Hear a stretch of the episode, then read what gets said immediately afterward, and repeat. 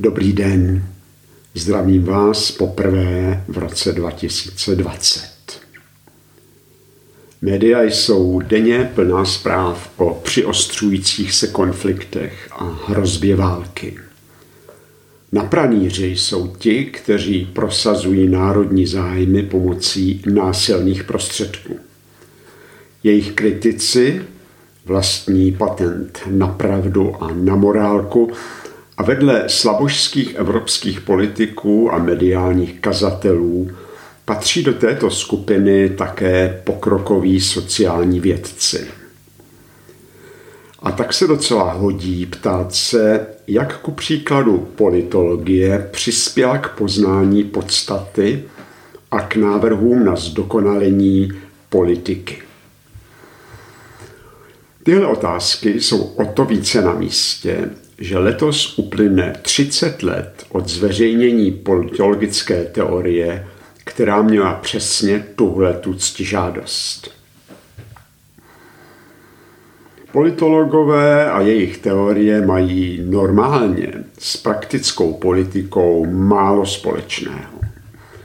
Ve skutečnosti se o to ani nesnaží, protože jejich myšlenky bují v závětří univerzitních učeben, zamaskovány před zvědavou veřejností nesrozumitelným slovníkem.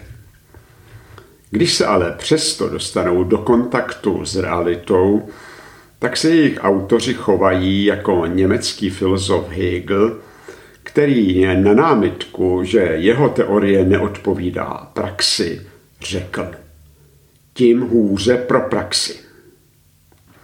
Proto se výtvory politologů dostanou jenom výjimečně do širšího povědomí a ojediněle dokonce udělají úžasnou mediální kariéru. Takovou výjimkou je koncepce takzvané soft power, kterou zrovna před 30 lety sformuloval hávadský profesor Joseph Nye. O tom, jak vznikla a co z ní zbylo, si s vámi dnes chci povídat. V 90. letech minulého století se kde kdo snažil vystihnout hloubku historického zlomu. Politolog Francis Fukuyama vyhlásil konec historie a začátek neideologického věku. V tehdejším Československu se hovořilo o nepolitické politice a pražská vláda dokonce došla k závěru, že již nebude potřebovat zbrojovky. Byla to prostě doba, kdy, která jakoby volala po novém pojetí moci v mezinárodních vztazích. V atmosféře nadšení po pádu komunismu převládá názor, že vzhledem ke všeobecnému smíření ztratila smysl politika podložená počtem obyvatel, velikostí armády a hospodářskou silou. Když už vůbec mluvit o něčem tak vulgárním, jako je moc, tak prosím pouze jen ve znamení zhody a porozumění. Všichni přece od teďka chceme blahobyt a mír, Ideologické rozdíly jsou překonány a nezhody řešíme pouze vyjednáváním. Poptávku po té nové přívětivosti v zahraniční politice uspokojil právě Joseph Nye ve své knize Bound to Lead Povinna vést. Prohlásil v ní, že povaha americké moci se změnila a poprvé použil pojem soft power, jemná moc.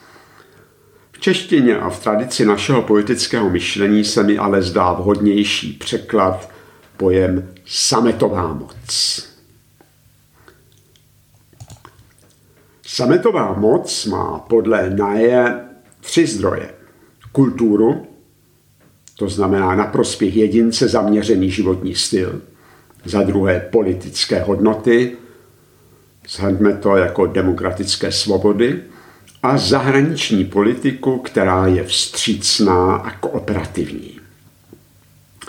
Přeloženo do běžné řeči, Sametovou moc Spojených států tvoří nejen demokratické hodnoty, právní stát, multietnická společnost, ale stejně tak hollywoodské filmy, internet, vítězné tažení američany, američtiny po celém světě, dobré jméno amerických univerzit, McDonald's a muzika. Podle Náje může Amerika světu vládnout díky neodolatelnosti svých hodnot i bez donucení. Síla přitažlivého amerického modelu prý překoná nebo aspoň nahradí sílu zbraní. A to zní opravdu dobře. Okouzlit ostatní, aby mě poslouchali, je jistě elegantnější, levnější a účinnější, než je k jejich štěstí přinutit. Ale jestli pak to také funguje. Náj připisuje sametové moci schopnost podmanit si lidi a státy a povzbudit je k tomu, aby sdíleli západní hodnoty a tím i západní politické cíle. Hlavním úkolem nové éře přiměřené zahraniční politiky je prý vytváření příznivého dojmu v zahraničí a tím i posilování vlastní přesvědčivosti a důvěryhodnosti. Jejich předpokladem je soulad proklamovaných hodnot a každodenního politického jednání. Důvěryhodnost je nejcennější zdroj, tvrdil Náje ještě v roce 2012. A ještě dodal, že nejlepší propaganda je žádná propaganda. Tedy poslední věta zní dnes, kdy se v informační společnosti bojuje o to, kdo smí dělat propagandu pro dobro a zároveň i zakazovat informace o odlišných definicích dobra, to zní docela hodně podivně, že ano. Ale o tom třeba jindy. Vraťme se dnes k samitové moci. Koncem minulého století ještě doznívalo opojení z historických změn. Ale první dekáda nového milenia jež sametové moci nepřála ani trochu. Al-Qaida napadla v roce 2001 New York. Prezident Bush poslal vojáky do Iráku. Joseph Nye ale nehostinné politické skutečnosti trucovitě odporoval svou knihou Sametová moc. Tentokrát už bylo ono soft power v titulu jeho práce. Tedy Sametová moc a podtitul Nástroj k úspěchu ve světové politice. Naivní přiostřuje své téze a trvá na tom, že moc lze vykonávat i bez použití hospodářských nebo vojenských prostředků. Věrohodnost, velkorysá hospodářská pomoc a kulturní výměna jsou prý účinnější než vojenská invaze. A proto Náje po zvolení Baracka Obamy prezidentem potěšeně konstatoval, že, cituji, americká sametová moc je tu znovu. Konec citátu. A skutečně, jestli někdo mohl reprezentovat nájův ideál sametového politika, tak to byl jistě právě sympatiák a obratní řečník Barack Obama. Nový americký prezident učaroval také evropské veřejnosti a výboru udělujícímu Nobelovu cenu míru. To učarování svým způsobem naplnil, nebo se o to aspoň pokusil. Hned v prvním roce svého prezidentství představil vizi světa bez nukleárních zbraní. Existuje lepší důkaz pro vstřícnou a věrohodnou zahraniční politiku. A já dodávám, existuje lepší možnost ověřit si skutečnou účinnost sametové moci. Bohužel na autoritářské potentáty sametový nátlak v otázce atomového odzbrojení podle vzoru my přece jdeme příkladem neudělá vůbec žádný dojem. Severokorejský diktátor se Obamovou retorikou omámit nenechal a také iránské odstředisky obohacující urán se točily a 106. Obama se upřímně řídil podle rad, které Joseph Nye formuloval jako na běžícím pásu. Ve své další knize Paradox americké moci tvrdil Nye, že americkou moc lze uchovat jen tím, že propojí národní a mezinárodní zájmy. Ale výsledkem Obamovy politiky nabízené ruky bylo však jen to, že se začal být soupeři a nepřáteli Ameriky vnímán jako slabý a naivní, přestože západní myslitelé neústupně tvrdili, že západní hodnotový systém je nepochybně ten lepší. Již úvodu jsem řekl pár nelichotivých slov o tom, že je většina sociálních vědců hodně vzdálená od opravdového života. A Joseph Nye žije v tom samém názorovém skleníku. A jeho myšlenky o sametové moci věrně odrážely náladu v sociálních vědách té doby. Jeho sametová moc perfektně pasuje do hlavního proudu sociálně vědního myšlení i dneska.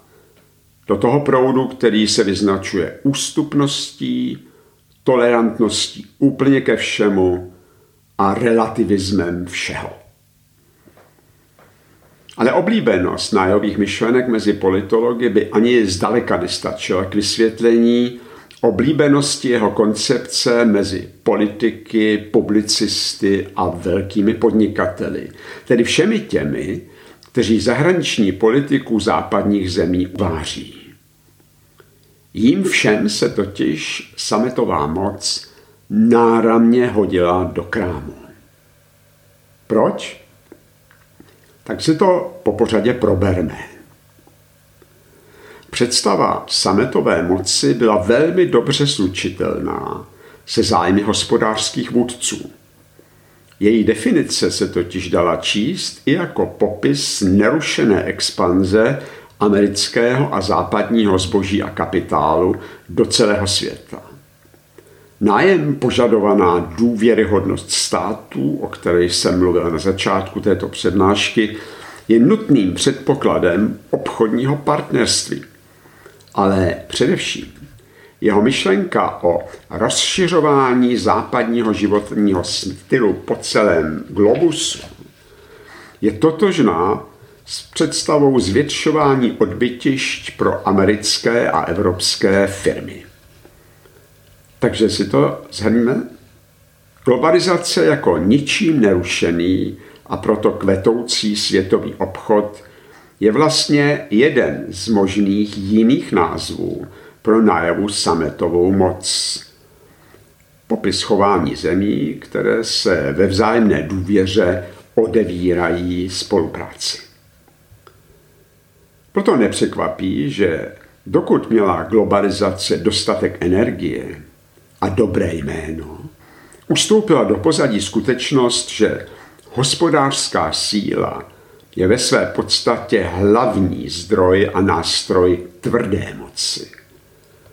Jenom dočasně zůstaly hospodářské sankce, ty přišly až později, a dělové čluny, skryté za macatými transportními kontejnery v přístavech celého světa. Ale dnes, když globalizace ztratila jak své dobré jméno, tak i svou energii, vystupuje hospodářství opět především jako nástroj tvrdé moci. Irán je jeho nejčerstvějším a čínsko-americká obchodní válka nejdramatičtějším příkladem. Ale k tomu se ještě dostaneme. Soft power je oblíbená nejenom u kapitánů průmyslu, ale i u politiků a jejich mediálních našeptavačů. To se projevilo nejprve v západní Evropě a teprve s nástupem Baracka Obámy také ve Spojených státech. Není náhodou, že se myšlenka sametové moci stala velmi populární v západní Evropě. Starý kontinent byl ideálním kandidátem pro vlídné pojetí zahraniční politiky.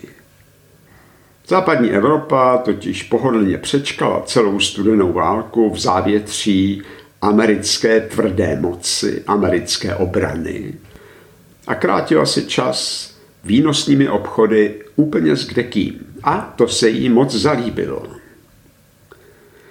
Z evropského hlediska proto bylo velmi výhodné věřit tomu, že pád komunismu způsobil hlavně helsinský proces a věrohodnost západních hodnot a nikoli věrohodnost americké hard power, tedy tvrdé moci založené na vojenské a hospodářské síle.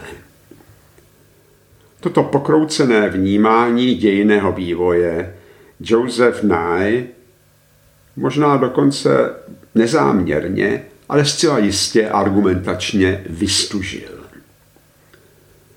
Evropě se rychle šířila a vlastně dodnes přetrvává představa o tom, že zahraniční politika spočívá především ve vstřícnosti vůči zájmům jiných států a v družinných rozprávkách při tom či onom summitu. Proto jich také máme tolik. Přišlo prostě velmi vhod věřit, že čím více dobročinnosti západní země projeví a čím trpělivější budou, tím lépe bude na světě. Ale ve skutečnosti to znamenalo něco dost nepěkného.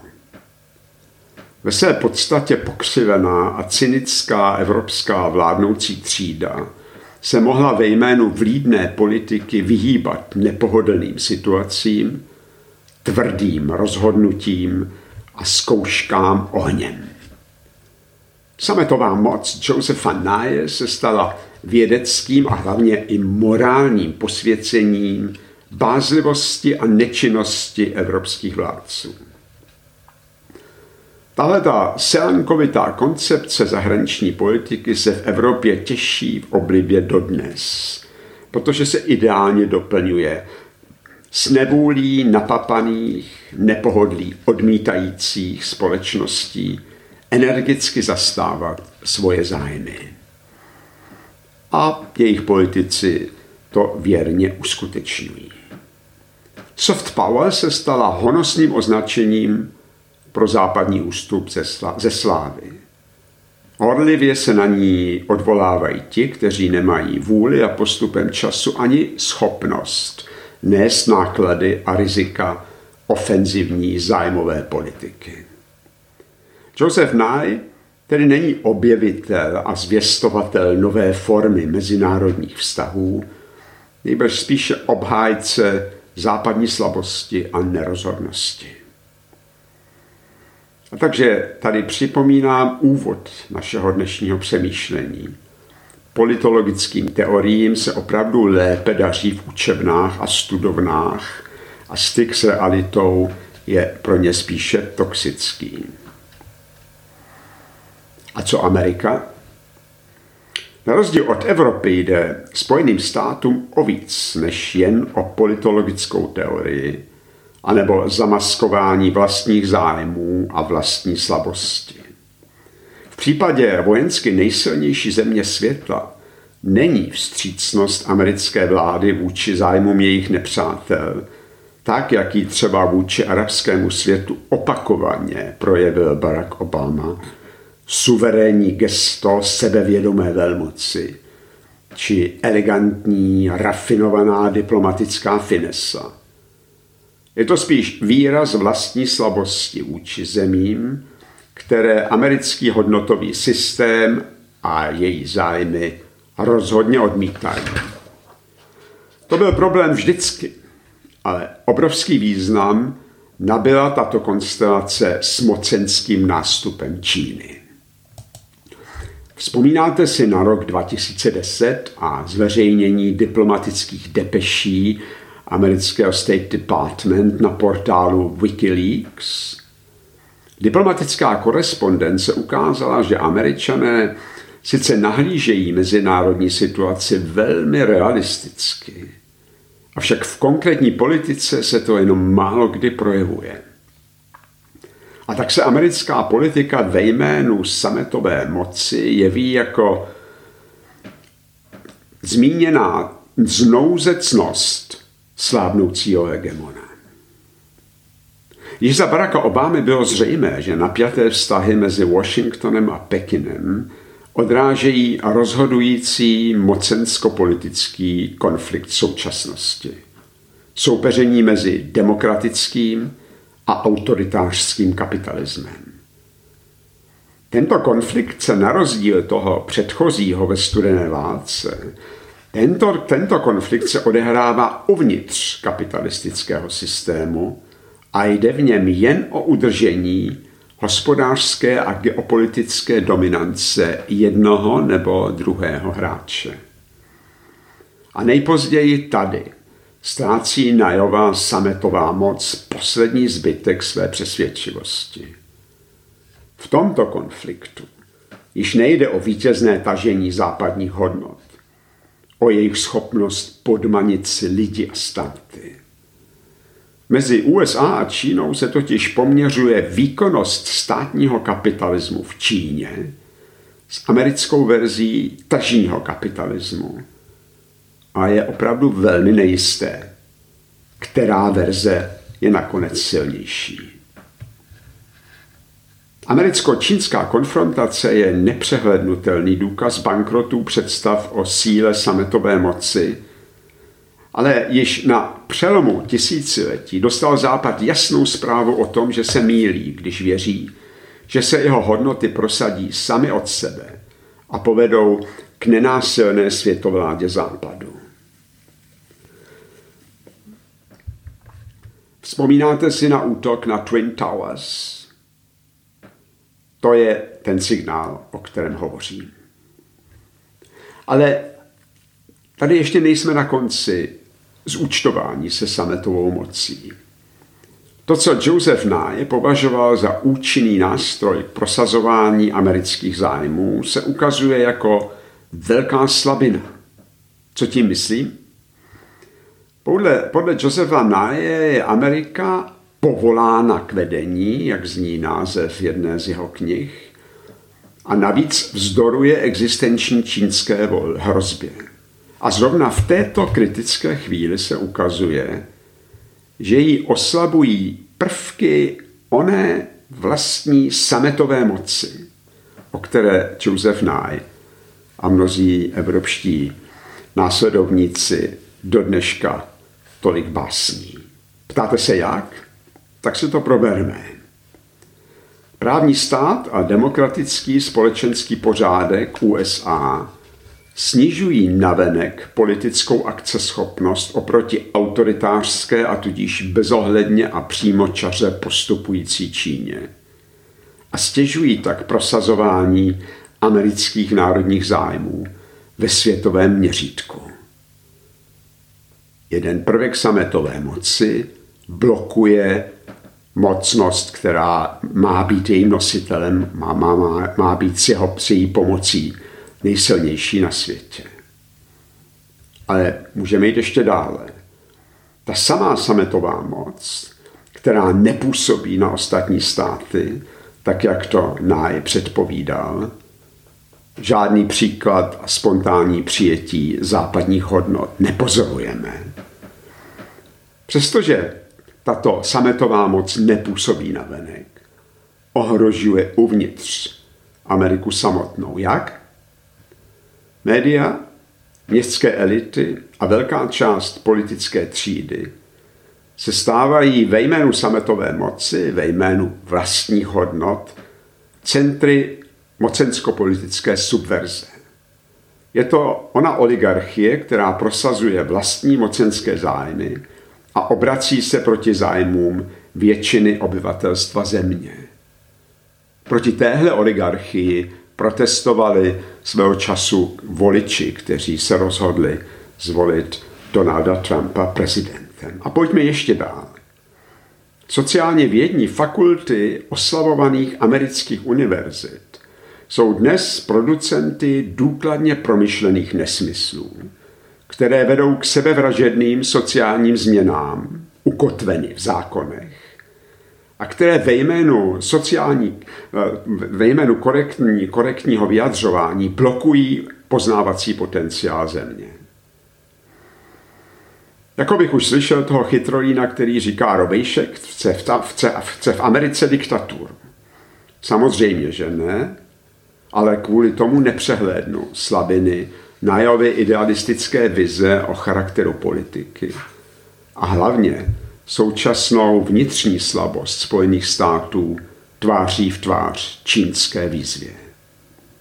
A říkám to, co možná nejdůrazněji, protože oslabení USA je samozřejmě oslabení celého západu a tedy i oslabení naší vlastní země. Zhrňme si, k čemu jsme došli. Sametová moc Josefa Nye, velmi populární koncepce, nebyla ale nikdy skutečně použitelný nástroj ani pro americkou, ani pro žádnou jinou zahraniční politiku.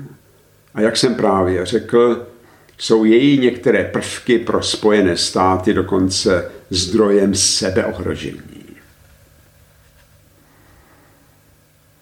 Je sice docela intelektuálně sexy konfrontovat politologickou teorii s politickou realitou, ale to nebyl ten hlavní důvod, proč jsem natočil tuto přednášku. Hlavně mi šlo o to, abych spochybnil měkkou a podbízivou politiku západních zemí a doložil následující tezy. Zahraniční politika zaměřená na národní zájmy a podložená účinnými mocenskými nástroji, hospodářství a armáda je dnes předpokladem pro přežití naší západní civilizace. Co říci závěrem? Mezi americké prezidenty, kteří stejně jako Obama dostali Nobelovu cenu míru, patří také Theodore Roosevelt, který si oblíbil staré africké přísloví. To znělo takto. Mluv mírně a nos velkou hůl, pak dojdeš daleko. Konec citátu.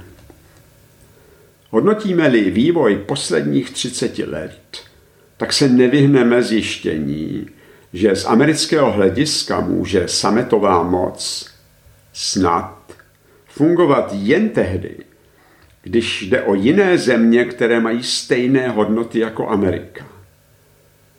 Ale i v tom případě, že jde o zahraniční politiku vůči přátelům, tak sametovost jejich vztahů existuje jenom do té míry, do jaké mají stejné zájmy jako Amerika.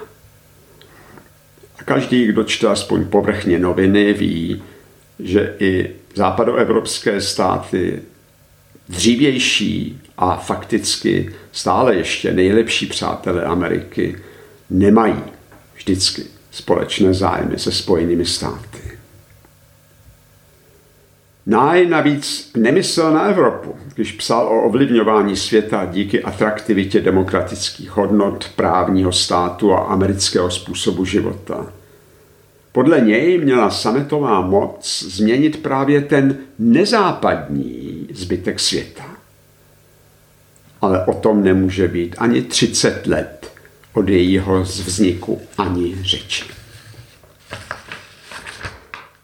Jak jsme si již řekli, tak Náj psal ve svých dílech o světě, který a již jen tenkrát doměl srůstal do stejnojmené globalizované civilizace. Ale svět byl již tehdy, a dnes je to zcela nespochybnitelné, světem národních států a jejich rozdílných zájmů. A tak proto nejde američanům v Iránu ani zdaleka o to, o čím ještě kdysi šlo v Afghánistánu. Již si nedělají iluze o tom, že by mohli vynutit pozápadnění vlády a společnosti podle nájova vzoru, to znamená podle západních hodnot. Dnes jsou skromnější a realističtější a spokojí se pouze se změnou chování vůdců nepřátelských společností.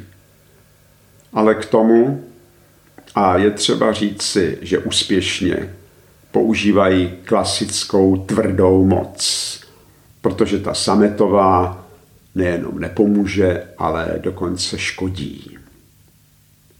Kritici za to Americe předhazují, že politika přece musí být především stabilní a předvídatelná, ale já se ptám, Opravdu vždycky. A proč vlastně? Je vůbec možné jednat v chaotickém světě předvydatelně? Je to účelné a účinné? Je to rozumné? Nevypočitatelnost má jednu obrovskou mocensko-politickou výhodu. Nutí ostatní hráče uvažovat o dosud nemožném a o zdánlivě nemyslitelných a pro ně samotné často nepohodlných alternativách. Takže ten, kdo dnes kritizuje americkou nebo i britskou politiku za její nevypočitatelnost, tak jenom dokazuje, že není dost dobrý analytik a ani politik. Flexibilní nebo chcete-li neočekávaná, neplánovatelná politika je oprávněná a dokonce nutná ozvěna nevypočitatelnosti politicko-ekonomické situace dnešního světa. Co to znamená? Popsal Thomas Carlyle již v 19. století suše a jasně. Cituji. Náš hlavní úkol není vidět to, co je ve vágních dálkách, nýbrž udělat to, co je bezprostředně potřeba. Konec citátu. A k tomu já dodávám, k tomuhle je vám sametová moc na nic. Ano, ani klasická tvrdá moc nezaručuje vždycky úspěch. Ale nepochybně zabrání zhoršení situace spíše než úzkostlivost, vstřícnost a zbabělost. Nebo znáte nějaké jiné možnosti?